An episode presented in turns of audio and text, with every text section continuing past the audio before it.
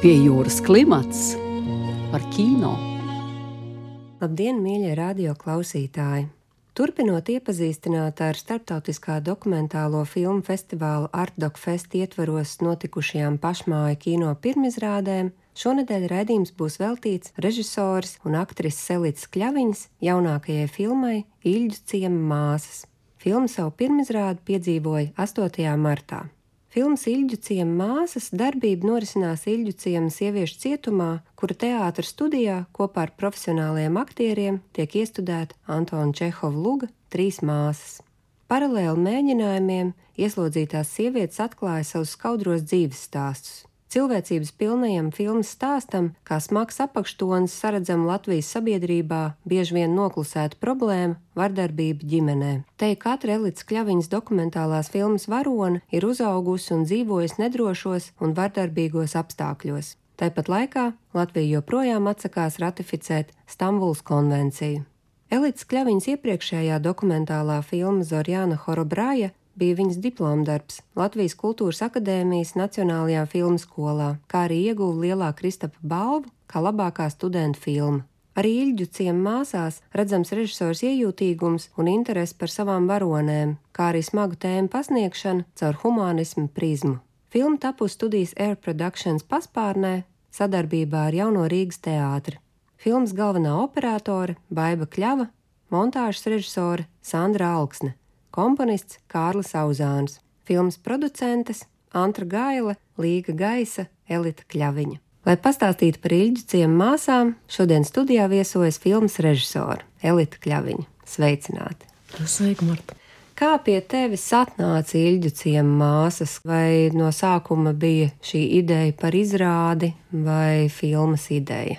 Laikam abi kopā sakrita vienā brīdī, bet eh, sākās viss tomēr ar izrādi, uzzinot par teātra pulciņa esamību Iļciem sieviešu cietumā. Es devos izpētīt situāciju, pieteicos par pasniedzēju. Reizi nedēļā, sestdien rītos gāju meitenēm, kuras ir pieteikušās un kuras grib mazliet kaut ko uzzināt par aktieru meistarību, mācīju viņām. Mēs eh, kopā ar Kristīnu Klētnieci to darījām, Šekspīra sonetus to brīdi un vienlaicīgi turēju acis un ausis vaļā. Jā, man bija doma mēģināt saprast, vai tur ir materiāls filmai. Pirmais impulss bija, ka nē, jo tā ir ļoti, ļoti reglamentēta vide, ļoti nebrīva vide, cilvēki ir noslēgti, viens otram neusticās, nerunājot par mani, neusticās. Nav telpas, kur var būt viens un var sarunāties, par visu ir jāatskaitās. Bija ļoti, ļoti tādi māziņi impulsi, kas lika domāt, ka varbūt tomēr var, un es faktiski riskēju. Tad tie impulsi, kurus jūtu, ka tas varētu būt, bija brīžos, kad es sapratu, ka tiešām tās sievietes, kuras man sāka stāstīt par sevi, bet ne visu tā mazliet pavēra durvis. Es jūtu, ka tur ir tiešām stāsti, ko viņas pašas gribētu kaut kad atklāt, bet tas viņām pašām nav viegli, un tāds bija tas sākums. Tad nu, es izlēmu, ka tā būs Čehova trīs māsas. Pirmkārt, tāpēc, ka bija pieteikušās, ne, vispār kopumā tur bija piecas sievietes, un es arī visas gribēju integrēt. No sākuma man bija pat divas mašas paredzētas, un tas nebija tā, ka es skatījos tikai pa visu cietumu gāju un meklēju labākās aktrises, piemērotākās vai kaut kā tā. Tās tiešām bija sievietes, kuras pašas bija izteikušas interesi. Es ar viņām ieraudzīju Čehovu trīs māsas un izvēlējos šo materiālu, jo kaut kādā ziņā arī Čehova lūga ir trīs sievietes, viens liktenis. Viņas nāk no vienas pagātnes, un arī tā nākotne ir diezgan līdzīga, un viņas ir kaut kādā ziņā citādi dzīves stāsti, citādas nianses, viena precējusies, viena nav precējusies, bet viņām ir tas nelaimīgums un būtībā arī Čehova trīs māsas. Viņas ir situācijas upuri tādā ziņā, ka viņas visu dzīvi ir paļāvušās uz savu brāli, kurš viņas izvedīs uz laimīgo zemi, uz Maskavu, un viņas ir paļāvušās uz tēvu, kurš savukārt viņas ir atvedis uz to provinces pilsētu. Un būtībā man pārsteidz, kad es tā sāku skatīties, cik ļoti visa tā luga ir tāda viņu atkarība no šiem diviem vīriešiem, kas viņas ir ieveduši situācijā, kur viņas ir dziļi nelaimīgas un no kuras ilgojas izkļūt. Protams, Rudītas Losānes izveidotā studija Mirjama, kas inficē sievietes tur ar kultūru un mākslu, bija tāds atspērienu punkts. Man ir grūti iedomāties, kāda būtu filma, ja Rudīta jau nebūtu izveidojis to vidi Mirjamā. Un tas arī bija mūsu tāds, kā es teicu, safe house, kur mūs uzņēma daudz tā labvēlīgāk. Nu, es domāju, filmēšanas grupu, jo visā cietumā, protams, tā nebija. Mēs daudz kur netikām un daudz kur bijām nevēlami. To var saprast. Tur nav nekādi ne mazākie pārmetumi. Es ļoti pateicīga Slodzījuma vietu pārvaldēji un Ilciem cietuma vadībai par pretimnākšanu un tādu principiālu atļauju šādu filmu veidot. Pie jūras klimats par kino. Kāda bija šī pieredze filmējot cietumā? Kāds bija, piemēram, jūsu režīms? Sākumā tur vispār viss buksēja, un mums bija ļoti sarežģīti uzsākt, iekļūt cietumā. Piemēram, vajadzēja iepriekšējā nedēļā iesniegt sarakstu, kurās vietās ko tu filmēsi. Tad ir mazliet jābūt tādam gaišredzim un jāiztēlojas, ka pirmdien es gribētu aiziet uz zaļo zonu un papilmēt uz soliņa kaut ko, bet nav zināms, ko. Otradien gribētu Ingas istabā aiziet, jo tad es zināju, ka viņas istabas biedrenis strādā tur cehos un ka tur būs tukšs un tad tur varētu. Trešdien es zinu, ka aktieri tiek un tad mēs būsim kultūras centrā un tur arī mūs ieslēdza uz konkrētu laiku. Tad mēs varējām mēģināt un tad mūs pavadīja līdz vārtiem un izlaida ārā. Organizācija pieeja bija jābūt tādai striktai, un sākumā bija jāpārvar arī tādu sieviešu neusticību un bailes, jo kamera nu, tas ir tāds pavērsts stobrs, nezinu, ierocis, un tā arī tas tika uztverts. Es atceros to pirmo satraucošo līniju, ko arī filmā redzēja tāda liela līnija, bet viens tāds līnijas priekšā es izgāju un teicu savu runu, kādu es filmu gribu taisīt, un lūdzu atbalstiet mani. Un, Bet bija kādas 30 sievietes, paliks, teica, lai paliek tās, kuras būtu gatavas. Jo man vajadzēja arī tādus stingrus līgumus ar sievietēm, kuras ne tikai ir galvenās varonas, bet arī tādas, kuru sejas redz kaut kur fonā. Kā tu panāci šo uzticēšanos no šīm sievietēm, kā tu ar viņām runāji? Es sākumā pierunāju piedalīties filmā, to es darīju. Bet pēc tam Es neko daudz nepierunāju, es tikai sarunājos. Un arī nedaudz, jo es sapratu, ka katru dienu runāt par pagātnes sāpēm. Nu, tas ir par daudz. Pārsvarā mēs taisījām to teātrī iestudējumu, un tas bija mūsu tāds, kas mūs vienoja. Mēs runājām par lūgu, par lomām, par to, kā tas sasaucas ar viņu dzīvēm. Un būtībā es taisīju izrādi, un no izrādes filmā ir 10%. Bet tas, kas palika, tas sausais atlikums no tā procesa, ir tie stāsti un tā, bet es uz tiem nespiedu un nekoncentrējos, jo es tiešām es gaidīju to brīdi, kad uh, daudz tie spēcīgākie atklāšanās stāsti ir tieši arī pēdējās dienās tad, kad jau bija notikusi izrāde, un kad nu, kaut kādā ziņā es viņas nepievīlu ar to, ka es tiešām teicu, ka mēs uztaisīsim profesionālu, nu, tādu labā līmenī to izrādi. Un es tiešām visu spēku veltīju tam, lai viņas sajustos, ka viņas ir aktrises un ka viņas var to izdarīt. Un tas pacēlums, ko viņas saņēma no šīs izrādes, no tiem aplausiem, no tās sevis pārvarēšanas, kaut kā arī visu to situāciju padarīt tādu nu, maigāku un atvērtāku. Un viņas man atvērās, es domāju, tieši pateicoties tam, ka es viņas nepiemānīju ar to teātra taisīšanu. Ko tu sev atklāji jaunu, filmējot šo filmu, kas tev bija kaut kas nepieredzēts? Nu, man, piemēram, pārsteidz, cik ļoti sieviešu cietumā sievietes rūpējas par sevi un saglabā savu sievišķību un kopi sevi. Tās iespējas ir ļoti ierobežotas, bet tā vēlme saglabāt tieši tādu sievietību, sievišķību arī izskatā, tā man patiešām pārsteidz.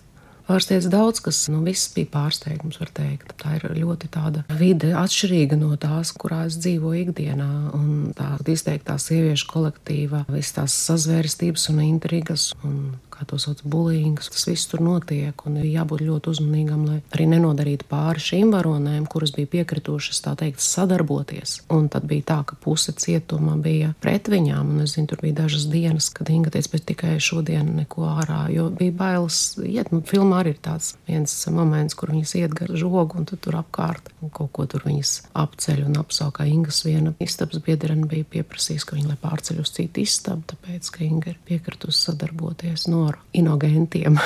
Tāda arī visādi notikumi bija. Tā vide ir smaga, nu, tā ir slēgta vide, kurā Ir jāsadzīvo ar tiem cilvēkiem, kuri tur ir. Un, ja kaut kas notiek, un tu neiepatīcies, vai kaut kādas baumas par tevi izplatās, tā ir pamatīga traģēdija. Tāpēc, piemēram, šo filmu es arī nerādīšu cietumā kopumā. Katra no iesaistītajām sievietēm saņems cieto disku, ko varbūt var noskatīties kādā playerī cietumā. Tāda iespēja arī ir, piemēram, bet tādu kopēju rādīšanu tas būtu ļoti nepareizi šī gadījumā. Tā kā tev primārā pieredze ir aktrise un tagad režisore, kas ir tās lietas, kas no aktieru profesijas tev palīdz tieši režijas profesijā šobrīd? Šajā filmā. Es nedomāju, ka viņi varētu uztaisīt. Nu, es jau nezinu, arī režisori ir ļoti dažādi, bet šeit bija jābūt spējai strādāt ar aktieri, kaut kādas aktieru meistarības principu pārvaldīšana un varbūt tā sajūta, ka es varu no neaktiera izveidot kaut kādu pārliecinošu tēlojumu. Iespēju robežās to var izdarīt, tāpēc, ka es esmu aktris, es tā domāju. Jā, tas man arī patīk šajā sākotnējā filmas pieteikumā, savienotos abas manas aizraušanās pie jūras klimats par kino. Kādas, tavuprāt, ir vispār svarīgākās īpašības, kādām ir jāpiemīt dokumentālistam? Ko tu esi pamanījis savā pieredzē, kādas tavas īpašības tev ir palīdzējušas veidot savus filmas? Pirmkārt, ir laikam tā, ka ir pilnīgi jāatmet sevi ar savu ego un nedrīkst iet nekurā vidē. Svarīgi ir tikai tie cilvēki, tajā brīdī. Es kā kaut kāds, ko es par sevi domāju, un kas es esmu, tas ir kaut kā pilnīgi jāatmet. Es mazliet tur uh, maldījos, sānceļos kaut kā tāpēc, ka es taisīju to izrādu, un es arī biju tajā izrāžu procesā ļoti iesaistīta, un ir diezgan daudz safilmēts, kur arī es esmu, bet es to vēlāk visu negribēju likt filmā.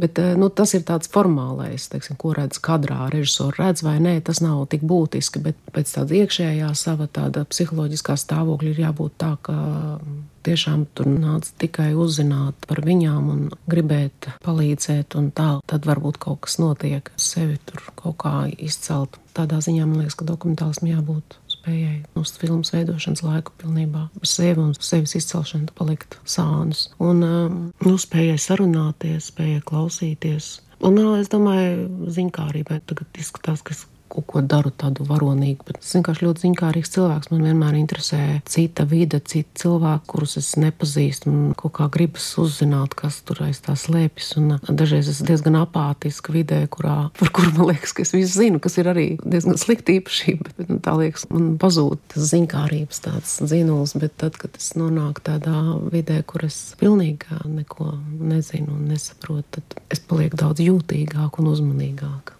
kā tu atvadies no saviem varoņiem, kad ir šis kopīgais ceļš noiets, kā notiek šī atdalīšanās, kad ir tik ilgi tomēr būt kopā. Tāda, es domāju, atdalīšanās pavisam laikam nav iespējama. Tāda nav notikusi ne ar manas pirmās filmas varoņiem, ar Jānu un Edgāru. Un 8. martā tāda bija pirmizrāde, viņi bija arī uz pirmizrādu un atbalstīja mani un izteica tur komplimentus un tā, un mēs arī turpinam sazināties. Un domāju, ka tā būs arī ar šīs filmas varonēm. Sazvanījos vakar ar Ingu, stāstīja par saviem iespējām filmu skatoties. Viņa bija raudājusi, tad, kad viņa izlaiž, un savukārt viņas draudzene, kas arī bija filmā, atnākus uz pirmizrādi, taisot, bija ļoti grūti izturēt, redzot to vidi un atkal tās atmiņas uzpeld. Tā, tā ļoti jauki parunājām. Sazvanos arī ar Sarmīti, kurš šobrīd ir Olainas cietumā. Ar Gintu. Ginta ļoti daudz man raksta vēstules, un viņa arī stāstus raksta un zemoļus. Acīm redzot, viņai ir tāda vajadzība sevi izteikt tādā mākslinieckākā veidā joprojām. Tā kā domāju, ka nav nekas tāds beidzies pie jūras klimats par kino. Kā tavuprāt, saskaroties ar tādiem stāstiem, saglabāt to savu cilvēcību? Skatītājiem man tev, kad tu esi tur blakus. Jā, saglabāt cilvēcību. Nu, man bija empātija, to dzirdot. Es eh, tiešām to varēju redzēt, ka tiešām tur ir kaut kas ļoti šķērsām aizgājis katrai šai sievietei, jo es viņas iepazinu caur teātru, es redzēju, kā viņas var kļūt par tādiem cilvēcības esens un skaistums, un pretī šie traģiskie panti 20 gadi par slepkavību savu bērnu un, uh, un sarmītēji 13 gadi un Ingai 9 gadi, trīsreiz atgriežoties par narkotiku lietošanu cietumā. Un tas vienkārši negāja kopā kaut kā. Un tad, kad es sāku iedziļināties un saprast, nu, tas tiešām viss nu, kaut kur nāk no bērnības un no, no ļoti tādām traumatiskām ģimenes attiecībām. Pilnīgi visām aģentūriem sieviešu cietuma sievietēm, kuras piedalījās filmā. Tie ir tie stāsti, par ko acīm redzot, ir jāuzņemas atbildība arī sabiedrībai kopumā. Ko es ceru, ka šī filma liks atkal atgriezties pie dažiem nenokārtotiem jautājumiem. Jo daudz eksperti visi saka par to Stambulas konvenciju, ka tā ir ļoti labs instruments, kā šos lietas var birokrātiskā veidā, bet tomēr sakārtot. Jo tur aizkadrā ir palikuši tik daudz stāstu par sievietēm, kuras ir gājušas, mēģināts griezties policijā, un tad viņam ir jāsamaksā kaut kādi 15 eiro. Bet, tic vai nē, nevienmēr ir šie 15 eiro, kad tas piesists ar izsistiem zobiem aizēj uz policiju un te saka, nu, mēs varam varbūt noformēt, jums vēl tagad jāpagaida vairākas stundas un samaksājiet vēl 15 eiro un tādā brīdī pagriežas un aiziet. Un pēc tam nākamā reize, kad šo sievieti satiekam, ir cietumā. Kāpēc tavuprāt ir tik svarīgi, lai cilvēks skatās dokumentālo kino? Man pašai ir tā, ja es skatos spēļu filmas, dažreiz ir pilnīgā sajūsma un absolūti aizrauta un saviņota un tā. Bet nu, tad ir arī ļoti bieži tā, ka vienkārši ir pilnīgi garām un iztērēts laiks. Un ar dokumentālo kino, pat ja filma ir mazliet garlaicīgāka, man nekad nav sajūta par kaut kādu neiedzīgu iztērētu laiku. Man vienmēr ir kaut kas, ko paņemt no dokumentālas filmas. Jo es domāju, dokumentāla filmas strādā reālās dzīves notikumiem, reāliem cilvēkiem un veidot to puzli no reāliem dzīves fragmentiņiem. Un tas ir jebkurā gadījumā spēcīgi. Mēs uzzinām daudz vairāk, un tā empātija pret cilvēkiem ir lielāka. Kopumā es domāju, dokumentālais kino tieši modina cilvēcību. Jā, tā, man liekas, ir tā vislielākā misija, kas piemīt dokumentālām filmām modināt cilvēcību un to apjēgu, ka mēs visi esam saistīti uz šīs planētas. Paldies par sarunu! Paldies par uzaicinājumu!